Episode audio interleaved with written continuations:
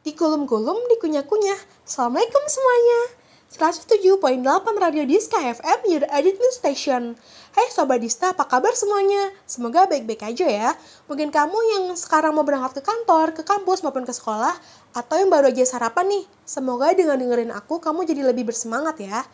Well, di pagi yang cerah ini kamu ditemenin sama aku Natme di tikungan Paskel sampai nanti jam 11. By the way nih Sobat Dista, aku bakal infoin mengenai dunia kampus.